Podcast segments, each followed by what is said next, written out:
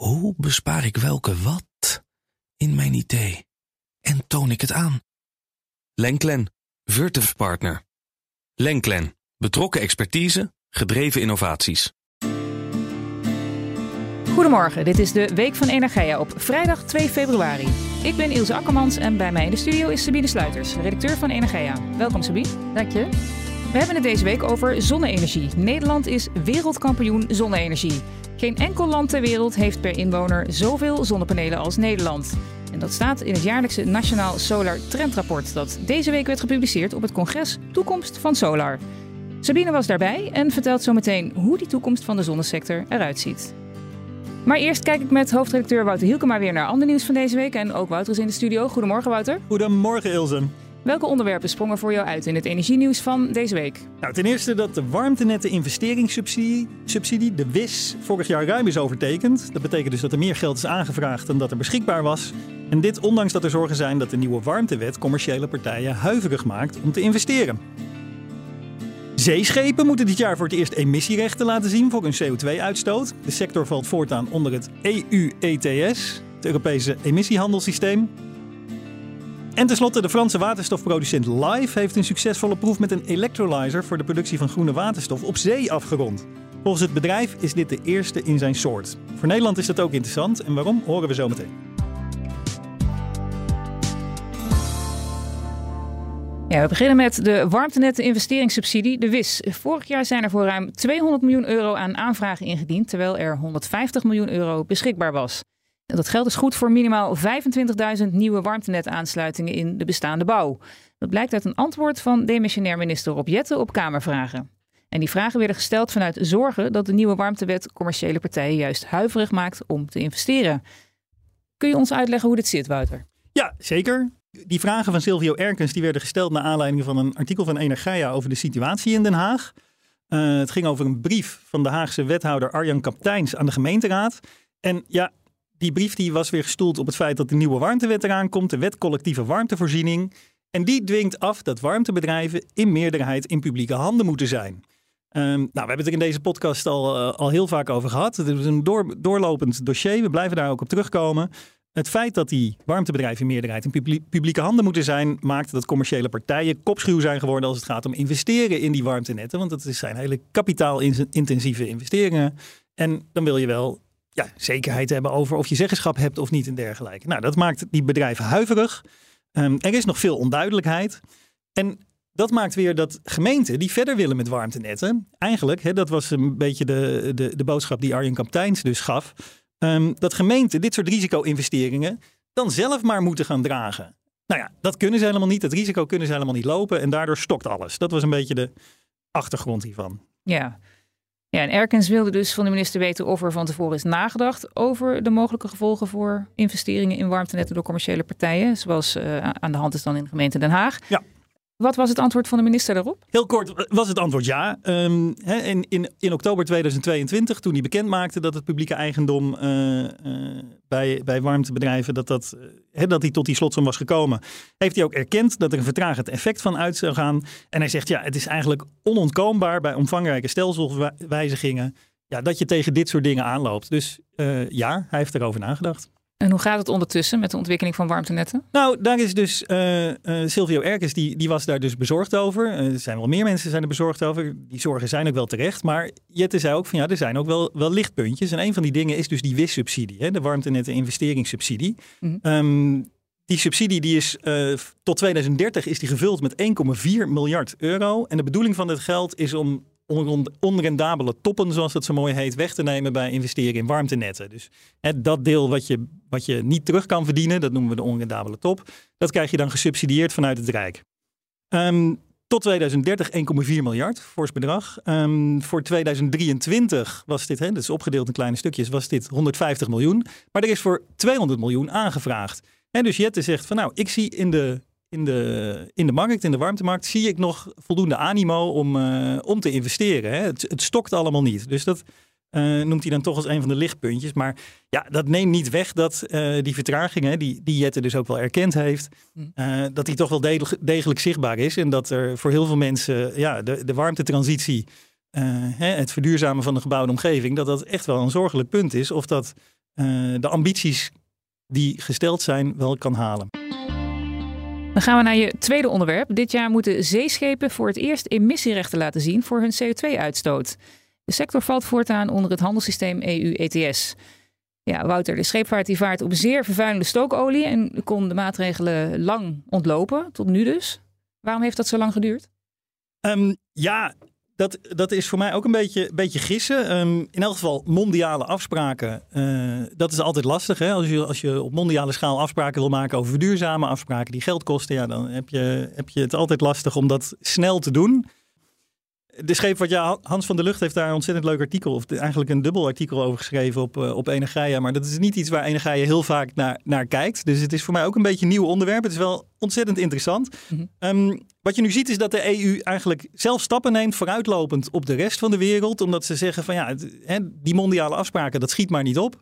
Ehm, maar zoals op wel meer dossiers uh, in, de, in de verduurzaming en, en, in de strijd tegen klimaatverandering zegt de EU van nou, dan, dan tonen wij leiderschap en dan gaan wij uh, alvast verduurzamingsafspraken maken. En hoe zien die afspraken eruit die nu zijn gemaakt? Nou, concreet betekent het dat voor de scheepvaart binnen de EU, en dat is inclusief Noorwegen en IJsland, over 2024 voor 40% van de geverifieerde CO2-uitstoot, dus de CO2-uitstoot die, die, uh, die daadwerkelijk heeft plaatsgevonden, mm uh, dat daar emissierechten voor moeten worden afgedragen. Um, dit wordt het jaar daarna wordt dat verhoogd naar 70% en in 2026 moet dat 100% zijn. Um, dit zijn dus scheepvaartbewegingen binnen de EU. Voor um, reizen van en naar de EU geldt dat voor de helft van de uitstoot emissierechten moeten worden afgedragen. Ja. En voor welke schepen gelden die afspraken eigenlijk? Um, nou, aanvankelijk geldt het alleen voor schepen vanaf 5000 bruto ton, zoals dat zo mooi uh, genoemd wordt. Mm -hmm. Nederland is trouwens voorstander van om dat uit te breiden naar schepen vanaf 400 ton, dus veel kleinere schepen. Dat is omdat in Nederland veel van die schepen in die kleine categorie die zijn. Die moeten tenslotte toch ook verduurzamen. En ja, om het onder te brengen in het ETS is dan een goede manier om dit met een gelijk speelveld, zoals dat uh, zo mooi heet, en wat altijd belangrijk is in internationale sectoren, om dat te doen. Um, dus daar gaat uh, uh, demissionair minister Harbers gaat zich daar hard voor maken in Europa. En moet allemaal gaan leiden tot verminderen van CO2-uitstoot. Gaat het ook ter plekke leiden tot minder uitstoot? Nou, dat is, dat is wel het idee natuurlijk. Kijk, als je iets onder het ETS brengt, uh, dat is een manier om uh, de CO2-uitstoot te beprijzen. Mm -hmm. En uh, um, nou, de scheepvaart in dit geval heeft dan de keuze van: oké, of ik betaal gewoon voor mijn uitstoot, betaal ik de prijs die in het ETS tot stand komt. Um, of als het goedkoper is om, zo'n, om, om je vloot te verduurzamen, als dat goedkoper is dan het betalen voor die CO2-uitstoot, ja, dan ga je dat doen. Maar hè, het ETS werkt zo: er is gewoon een bepaalde hoeveelheid uitstootrechten die beschikbaar zijn en dat wordt elk jaar minder. Mm -hmm. En door de scheepvaart daaronder te brengen, weten ze daar dus ook van, nou oké, okay, dat wordt elk jaar minder. Dus op een gegeven moment zullen ze onontkoombaar moeten verduurzamen en die uitstoot naar nul brengen. Ja. Ja, volgend jaar gaat er nog een nieuwe regel in in de EU, namelijk de plicht om de uitstoot van broeikasgassen van brandstoffen voor transport te verminderen. Gaat die ook gelden voor de scheepvaart? Nou, dat moet nog uitgewerkt worden, maar het zal de scheepvaart in elk geval raken, ja. Dan hebben we nog je derde onderwerp, de succesvolle proef van de Franse waterstofproducent Live met een electrolyzer voor de productie van groene waterstof op zee. Volgens het bedrijf was de test wereldwijd de eerste in zijn soort. Wouter, hoe zag die proef eruit? Ja, het ging om een, uh, nog een relatief kleine electrolyzer van 1 megawatt. Um, die hebben ze eerst aan de kade hebben ze die gebruikt, uitge uitgebreid getest, werkt het. Um, maar vervolgens verscheept naar een testlocatie, 20 kilometer uit de Franse kust. Mm -hmm. um, vanaf dat moment werd, werd dat platform van afstand bestuurd. En ja, daar, die electrolyzer is gewoon operationeel geweest. Die heeft uh, voortdurend uh, waterstof, groene waterstof geproduceerd met elektrolyse. Um, en heeft daar zelfs uh, eind oktober 2023 heeft, uh, heeft hij de, de storm Ciaran uh, doorstaan. Dus heeft echt in, in operationeel heel uitdagende omgeving heeft hij daar staan werken. Ja. Mm -hmm. ja, en de resultaten, daar was het bedrijf tevreden over. Wat betekent dat? Ja, nou, alles is het blijven doen. Dus zelfs met die, met die storm, met, met hoge golven en, en grote windkracht. windkracht 9 was het. veel mensen zullen het zich nog wel herinneren. Het was eind oktober in Frankrijk. Uh, begin november kwam die in Nederland uh, uh, aan. Mm -hmm. um, en ja, alles is het blijven doen. De apparatuur is niet beschadigd. Het productieproces heeft gewoon door, door kunnen gaan. Productiecapaciteit is niet aangetast. Um, de prestaties waren gelijk aan de prestaties op land. Hè, in, in die proef vooraf. Dus daarmee is de betrouwbaarheid van de installatie eigenlijk aangetoond. En wat gaat het bedrijf nou met de resultaten doen? Hoe gaat het verder? Ehm, nou, de volgende stap nemen in de ontwikkeling. dat betekent dat ze een electrolyzer van 10 megawatt willen, willen gaan doen onder de naam Hope. Ehm, misschien wel veelzeggend, die naam. Hmm. de naam van het eerste project was Sea Life. 10 megawatt electrolyzer, dus tien keer zo groot. Die gaat voor de kust van Oostende in België gaat die, geplaatst worden. En vanaf 2026 is de bedoeling dat er dagelijks 4 ton groene waterstof wordt geproduceerd en dat die via een pijpleiding dan aan land wordt gebracht. Ja, want ook voor Nederland is die proef interessant. Ja, hè? zeker. ja, Nederland wil offshore veel waterstof gaan produceren. Ja, nou, Nederland heeft ook een dergelijk project lopen. Hè. Poseidon uh, is dat genoemd. Dat is uh, al een paar keer is dat in het nieuws geweest. Energie heeft er ook een paar keer over geschreven. Um, dat is op een of andere reden, ik heb daar niet helemaal de vinger achter, maar is dat nog niet zo ver als dit project van Live. Uh, het is, als het goed is, eind van dit jaar gaat, er, uh, gaat de productie op Poseidon van start. Um, maar Nederland heeft, heeft zeker meer ambities op dit vlak. Hè. Uh, een van de voorbeelden, um, het windpark ten noorden van de Waddeneilanden. Dus de locatie van het windpark, maar ook de naam van het windpark ten noorden mm. van de Waddeneilanden. Um, dat uh, is, wordt een windpark van 700 megawatt. Moet, eind van dit decennium moet dat, uh, moet dat uh, gebouwd worden. En dat moet helemaal gebouwd worden voor de productie van offshore waterstof. Dus offshore elektrolyse. dus ja, tegen die tijd um, hoopt Nederland op die schaal dit te kunnen doen. Hè? Nu is er dus een geslaagde proef van 1 megawatt. Nou, dat moet dus even keer 700. Dankjewel, Wouter. Nederland is wereldkampioen zonnepanelen. Geen enkel land ter wereld heeft per inwoner zoveel zonnepanelen als Nederland. Dat staat in het jaarlijkse Nationaal Solar Trendrapport, dat deze week werd gepubliceerd op het congres Toekomst van Solar. Over hoe die toekomst van de zonnesector eruit ziet, praat ik met redacteur Sabine Sluiters. Ja, Sabine, het congres was afgelopen woensdag en jij was erbij. Hoe, hoe was de sfeer daar? Wat voerde de boventoon? Ja, nou, er was wel een uh, opgewekt sfeertje. Uh, er waren natuurlijk uh, ja, hè, onderwerpen zoals netcongestie en zo. Dat blijft, uh, blijft natuurlijk een zorg. Maar nou ja, voor over het algemeen uh, zien ze de toekomst volgens mij wel zonnig in. Goed teken. in het rapport over 2022 was sprake van een explosieve groei van zonnepanelen op daken van particulieren. En dat kwam door de energiecrisis. Inmiddels is Nederland dus wereldkampioen zonnepanelen. Wat houdt dat nou concreet in? Ja, vorig jaar waren we al Europees kampioen. Uh, maar het afgelopen jaar hebben we ook Australië ingehaald. Ik vond het nogal wat. um, ja, Nederland, uh, in Nederland staat per inwoner uh, 1386 watt piek zonvermogen opgesteld. En dat is omgerekend ongeveer 3,5 zonnepaneel per Nederlander. En uh, nou, in het trendrapport staan allemaal hele mooie grafieken. En als je kijkt naar het zonnestroomvermogen per vierkante kilometer in Nederland, dan uh, vind ik was opvallend dat de afstand tussen Nederland en uh, de nummer twee Australië nog indrukwekkender is, omdat Nederland een klein land is uh, met veel inwoners. Er staat hier op 725, er staat hier 725 kilowattpiek per vierkante kilometer. En dat komt ongeveer overeen met 1900 zonnepanelen. En, um, nou ja, ja, en de, de groei van zon in Nederland, uh, nou ja, dat komt doordat we de afgelopen jaren heel veel zonnepanelen op onze woningen hebben gelegd. Um, in uh, 2023 17% meer dan uh, het jaar daarvoor. En in 2022 was die groei ook al heel groot. Toen was het 30% meer dan het jaar daarvoor. Nou, en dan komt het er eigenlijk op uit dat eind 2023 ongeveer een derde van alle huishoudens zonnepanelen heeft. En uh, voor huishoudens die in koopwoningen wonen, was dat zelfs de helft. Dus hè, één op de twee. Ja. En hoe kan dat eigenlijk dat een land als Nederland, het is toch niet het zonnigste land ter wereld, ja. in tegenstelling misschien tot Australië, um, toch wereldkampioen zonnepanelen wordt. Ja, nou dat is dus precies de vraag waar ik ook mee rondliep gisteren. Uh, want dat staat namelijk niet in het rapport. Dat gaat veel meer over die, die groeitrends. Mm -hmm. uh, ja, dus ik heb daar eventjes de hoofdonderzoeker opgezocht. Uh, Daan Jansen van DNA Research. En ehm, ja, volgens hem komt het doordat Nederland uh, uh, goed gesubsidieerd heeft. de goede regelingen heeft. Dus bijvoorbeeld de salderingsregeling. Hij zei, zonder die salderingsregeling was weer Nederland nooit wereldkampioen geworden. Mm -hmm. En uh, voor de grotere projecten geldt dat de, de, SDE een hele stimulerende de werking heeft. Mm -hmm. En ja, dat is eigenlijk volgens hem de oorzaak. Ja, en de groei zette vooral door in de eerste helft van het jaar. Dat had nog te maken met de energiecrisis en een dalende prijs voor zonnepanelen. Ja. Ehm, maar daarna sloeg het sentiment om. Hoe kwam dat? Ja, het verschil tussen het eerste en het tweede deel van het afgelopen jaar was, uh, was heel groot. Want uh, in de eerste helft van het jaar was de groei ongekend. ja. En in de tweede helft van het jaar krimpt het juist. Dus um, dat is heel opmerkelijk. En de reden daarvan is eigenlijk um, ja, de onduidelijkheid of de aanschaf van zonnepanelen nou nog wel uh, loont en slim is. Um, de afbouw van de salderingsregeling, die hangt natuurlijk al jaren boven de markt als het soort zwaard van Damocles. Ja. En um, nou ja, dat, dat, dat zorgt natuurlijk voor dat. Die zorgen zijn er dus al langer.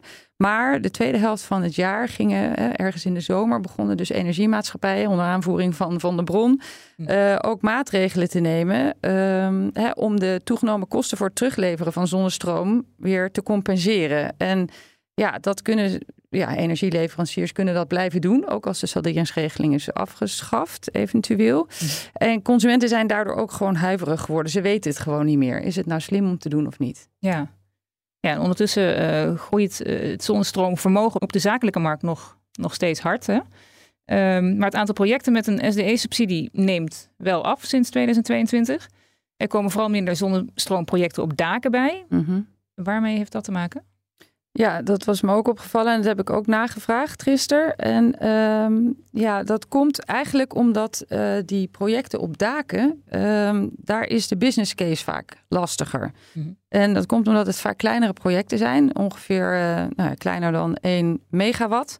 En uh, dat maakt het inkopen van materialen bijvoorbeeld gewoon duurder. Um, en daar zitten ook vaak haken en ogen aan. Want die daken die zijn niet altijd of kunnen opeens niet geschikt blijken te zijn. Of er moet een, toch een duurdere constructie uh, gebouwd worden om die panelen erop te leggen. Of de verzekeraar ziet er niet zitten. Nou, Mhm. er kan van alles uh, oppoppen opeens. En daardoor gaat dus een kwart van de projecten op dit moment niet door. Van die dakprojecten. En, en Veel, op het ja. veld zijn die projecten vaak veel groter. Meer dan 5 megawatt. En dat levert weer schaalvoordelen op. Je kan goedkoper geld lenen, materialen inkopen. ehm, en ook worden die projecten vaak eh, door grotere en ervarener partijen gedaan. En eh, ja, daardoor gaan ze, vallen ze minder snel af. Even voor de oplettende luisteraars. Sabine, je hebt het twee keer over gisteren dat je bij eh, dat congres was. Maar we nemen dit op donderdag op, maar zenden het op vrijdag uit. Dus het was woensdag. Klopt, heel scherp, Wouter. Ja, en het Solar Trendrapport heeft het over uh, een verzadiging van de markt ook. Waar doelt het dan op? Ja, hoe, is, hoe is de marktsituatie op dit moment? Uh, ja, het trendrapport laat ook een soort forecast zien. En um, ja, dat laat zien dat het jaarlijkse nieuw geïnstalleerde zonnestroomvermogen in Nederland de komende jaren zal gaan dalen uh, naar het niveau van voor de energiecrisis. En dat komt dus omdat mensen wat huiveriger zijn uh, vanwege al die onzekerheden die ik net noemde. Hm. Maar ook omdat er al veel mensen zonnepanelen hebben. En um, wat ik zei, eind 2000 23 uh, had een derde van alle woningen zonnepanelen. En dat is ongeveer de helft van alle woningen waar überhaupt zonnepanelen op kunnen. En dan denk je, huh, hoe kan dat? Wat zijn dat voor getallen? Maar er zijn bijvoorbeeld veel woningen in flatgebouwen waar die gewoon niet een Ja. eigen dak hebben. Logisch. Ja. En we zijn nog niet toe aan het vervangen van zonnepanelen. Want dat is een Nee, uh, dat is een goede. lange termijn. Uh, Nee, dat is een goede project. vraag. Nee, uh, ja, de meeste zijn toch de afgelopen acht jaar of zo neergelegd. Mhm. Dus, uh, en ze liggen er wel voor een jaar of 25. Dus voordat daar echt een vervangingsmarkt is, duurt nog eventjes. Ja. En hoe ziet de toekomst van de zonnesector eruit in Nederland? Nou, op de korte termijn zal het dus een beetje gaan krimpen. Maar DNE denkt wel dat in 2026 nog steeds meer dan 3 gigawatt piek zal worden geïnstalleerd op woningen. Mhm. En dat betekent uh, dat tegen die tijd 46% van alle huizen zonnepanelen heeft. En dat is ongeveer drie kwart van de huizen die daar geschikt voor zijn. Dus Hm. dat uh, blijft uh, lekker doorgaan. En de zakelijke markt um, die is uh, stabieler, maar die zal een beetje krimpen, zeggen ze. Um, het aantal zonneprojecten in de SDE-pijplijn neemt uh, af. En opvallend is dat het aandeel zonneprojecten in het veld wel toeneemt. En dat is um, opmerkelijk, omdat we maatschappelijk dus juist liever zon op dak willen. Ja. Uh, maar dit komt dus omdat ze vaak erg groot zijn. en ehm, een lange doorlooptijd hebben en nou ja, minder vaak dus vroegtijdig gestaakt worden. En dan hebben we het over zonnepanelen in weilanden bijvoorbeeld. Precies, ja. Ja, en volgens het Nationaal Plan Energiesysteem, het NPE, moet er nog veel zonnestroom bij. Hè? Waar zouden die zonnepanelen moeten komen? Ja, in het NPE wordt gerekend met een hele grote hoeveelheid zonne-energie. Ehm, en daarvoor moet minimaal de groei aanhouden die we nu hebben. Um, en als je dat hoort, uh, als je hoort dat er al op zoveel daken zonnepanelen liggen, dan vraag je je wel af waar moeten die dan nog komen. Mm ook dat heb ik gisteren gevraagd. Uh, de grap is um, dat er blijkbaar nog heel veel panelen bij kunnen op dezelfde daken. Um, hè, dus dat een in dezelfde vierkante meters dus ook. Ja, dus, dus een... Vierkante kilometers had je het straks over bedoel ik. Ja, ja nee, dus, dus woningen waar bij wijze van spreken nu vijf panelen liggen, die hebben plek voor tien. Dus dan zouden er dus nog vijf bij kunnen. En zon op zee. Ja, ja, dat klopt. Um, uh, voor de toekomst, dat vond ik heel grappig. Uh, gisteren sprak uh, Wijnand van Hoof, voorzitter van de brancheorganisatie Holland Solar, ook. En die zei dat, um, dat hij wel toekomst zag voor zon op zee. Mm -hmm. Vanaf 2030 zelfs. Dat verrast me wel. Um, want we hebben tot nu toe nog niet zo heel veel zon, zon op zee projecten. Eén pilotproject bij mijn weten. En Um, wel is RWE van plan om uh, met het Nederlandse bedrijf uh, SolarDak bij Hollandse Kust West drijvende zonnepanelen neer te leggen. Maar um, volgens Wijnand uh, is daar ja, een grote toekomst. Op zich logisch, want als je zon op zee neerlegt, dan kan het dus gebruik maken van de kabels en, en leidingen die er al liggen naar het windpark. En ik heb mij gisteren ook laten vertellen dat echt het, of het waait of de zon schijnt. Maar dat dat tegelijkertijd gebeurt, dat is uh, heel zeldzaam. Ja. Um, waardoor je dus heel veel beter ook gebruik maakt van die, uh, van die infrastructuur. Het is ook een van de doelstellingen van het Nederlands kabinet. Hè? In 2030 moet 3 gigawatt op zee liggen. Ja. Dus, uh... Nou, kijk aan. En op de korte termijn moet er eerst eens nog wat knopen worden doorgehakt rondom de salderingsregeling. Ja, nou dat klopt. Volgende week dinsdag wordt spannend. Dan hebben ze het in de Eerste Kamer erover. Dus wie weet komt er dan eindelijk duidelijkheid. Komt vast volgende week terug in de podcast. Dankjewel, Sabine. Dit was de Week van Energia met de laatste ontwikkelingen in de Nederlandse energiesector. Op energia.nl lees je meer. Vond je het leuk om te luisteren? Dan doe je ons een groot plezier als je deze aflevering deelt in je netwerk of op sociale media met de hashtag Energia. Mijn naam is Ilse Akkermans. Fijn dat je luisterde en tot volgende week.